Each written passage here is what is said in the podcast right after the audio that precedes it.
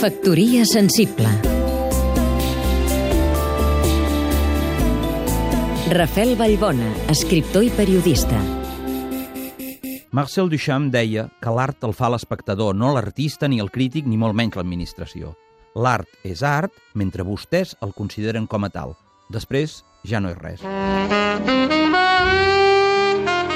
Nascut al tombà del segle XX, el jazz és potser la primera expressió d'art pop. Només existeix en el moment en què el músic l'interpreta.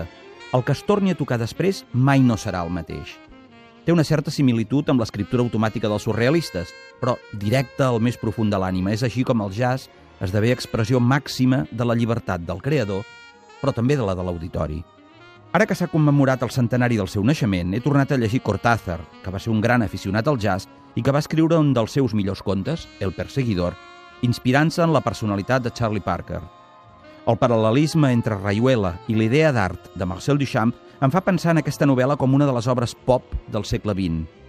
I és que la literatura de Cortázar, com el jazz, ens parla de la llibertat il·limitada del creador. Aquests dies comença el Festival de Jazz de Barcelona i el Jamboree Jazz Festival. Noms com Wayne Shorter, Dave Holland, Lee Konitz o Chucho Valdés faran cap a la ciutat.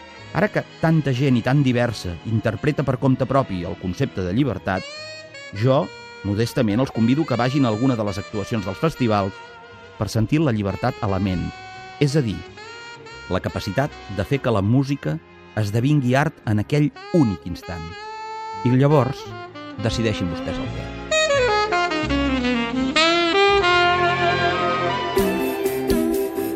Factoria sensible